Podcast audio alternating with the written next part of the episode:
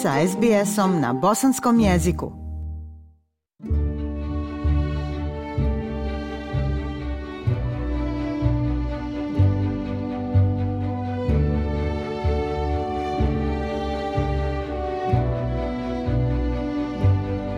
Slušate program SBS radija na bosanskom jeziku. U narednim minutama govorimo o mentalnom zdravlju mladih ljudi koje je sve više ugroženo. Nacionalna komisija za mentalno zdravlje pokrenula je istraživanje obilazeći desetine zajednica širom svake australske države i teritorije, dajući konsultacije i pružajući podršku i resurse u okviru turneje pod nazivom Making Connections, uspostavljanje veza 2022. Povjerenica i savjetnica premijera raspravljala je o problemima samoubistva i mentalnog zdravlja s kojima se susreću mladi ljudi te objavila nove podatke i istraživanja. Istraživanje se poklapa sa iskustvima aboriđina i stanovnika otoka Torres koji su govorili u kampanji Heal Our Way, kao i sa novom inicijativom u Viktoriji koja pruža više od 50 projekata podrške mentalnom zdravlju u svim državnim školama do 2024. Prilog Markusa Megalokonomosa i Franceske Denucio. Uspostavljanje veza za vaše mentalno zdravlje i dobrobit naziv je za terenski program Nacionalne komisije za mentalno zdravlje koji povezuje ljude iz različitih australskih zajednica. Ove godine komisija je posjetila 37 zajednica širom Australije, od Georgetowna u Tasmaniji do Jirkale na sjevernoj teritoriji, preko Bruma u zapadnoj Australiji i Palm Islanda u Queenslandu, kao i mnoge zajednice širom Viktorije. Christine Morgan je izvršna direktorica Nacionalne komisije za mentalno zdravlje i savjetnica premijera za nacionalnu prevenciju samoubistava. Lived or living experience of mental ill health, mental illness or suicide proživljeno ili živo iskustvo mentalne bolesti ili samoubistva. Realnost tih iskustava u velikoj mjeri podupire sav posao koji radimo u komisiji i to je razlog zašto ga obavljamo. Ono oblikuje taj rad. To sam vidjela dok smo bili širom zemlje. Connections 2022. Naše proživljeno iskustvo je dio onoga što mi jesmo kao ljudska bića. Podaci pokazuju da je 30. juna 21. u Australiji živjelo oko 3,1 milion mladih ljudi u dobi od 15 do 24 godine. Obzirom na to da se mladi ljudi definiraju kao ljudi u dobi od 12 do 25 godina, dokazi pokazuju da je mentalno zdravlje i dobrobit mladih opala u posljednjih 15 godina. Pokazatelji povećanja psihičkog stresa su korištenje usluga mentalnog zdravlja, stope samoubistava i simptomi poremećaja u ishrani. This kind of really has brought us up now and stopped us and said, hey, we really need to do something a little bit differently here. Ovo nas je zaustavilo i reklo da treba da uradimo nešto drugačije i još uvijek pokušavamo da saznamo šta je to, šta nije u redu. Treba vidjeti kako mladi ljudi pate zbog toga što nemaju pravu podršku. Stvari ne idu nabolje zadnjih 10 i 15 godina. Stvari se pogoršavaju, istakla je Christine Morgan.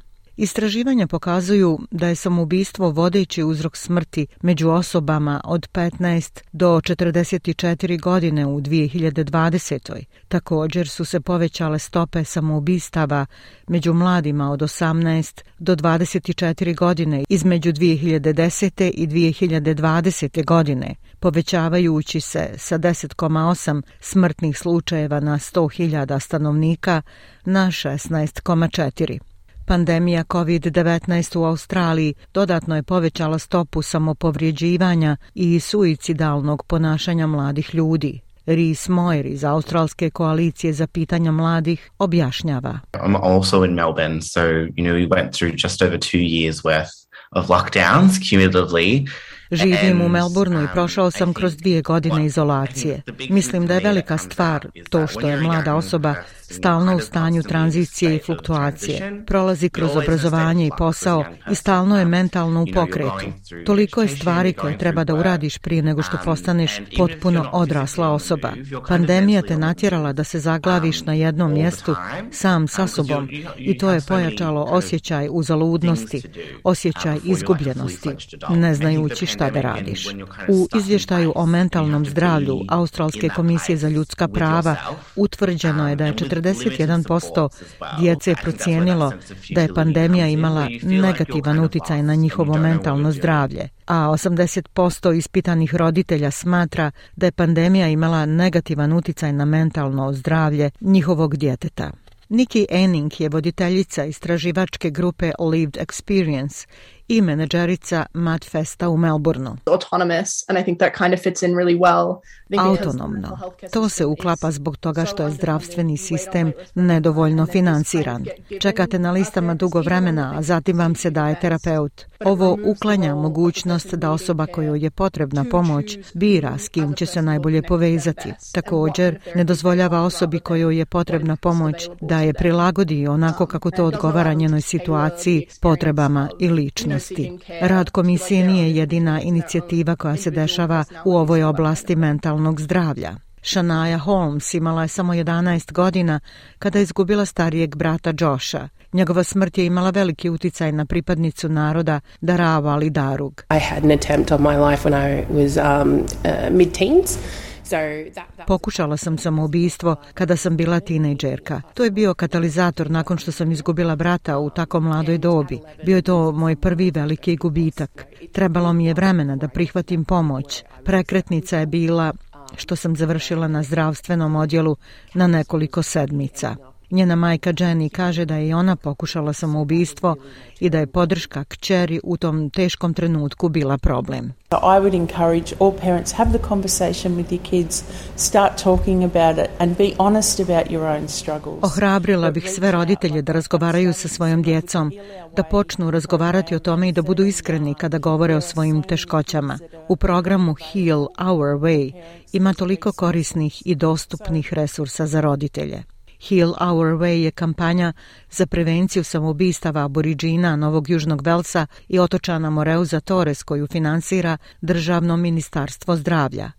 Kampanja ima za cilj da obezbijedi praktične resurse članovima zajednice kako bi ih osposobili za bezbjedne razgovore o samoubistvu. Nakon što je radila s mrežama za podršku mentalnom zdravlju više od deset godina, Jenny kaže da je potrebno učiniti više. Previše našeg naroda umire i moramo normalizirati riječ samoubistvo. Moramo biti u mogućnosti da sjednemo i razgovaramo. Moramo otići u zajednicu i reći da je u redu razgovarati o tome.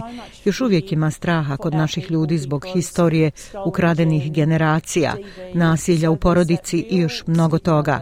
Tako da postoji stigma i sramota da priznaju da imaju samoubilačke misli, da su žene i starješine u strahu od posljedica govorenja o toj tabu temi.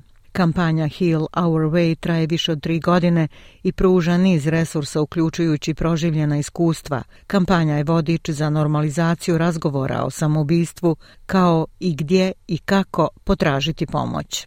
Ministrica obrazovanja Viktorije, Natalie Hutchins, objavila je školski meni za mentalno zdravlje, koji je lista od 56 programa koje izvode obučeni stručnjaci za mentalno zdravlje. Ti programi su dizajnirani da poboljšaju dobrobit učenika i oni će se implementirati u svim državnim školama do 2024. godine. Ja sam Aisha Hadži Ahmetović. Ostanite uz program SBS radija na bosanskom jeziku. SBS na bosanskom. Podijelite naše priče preko Facebooka. Želite poslušati još ovakvih priča?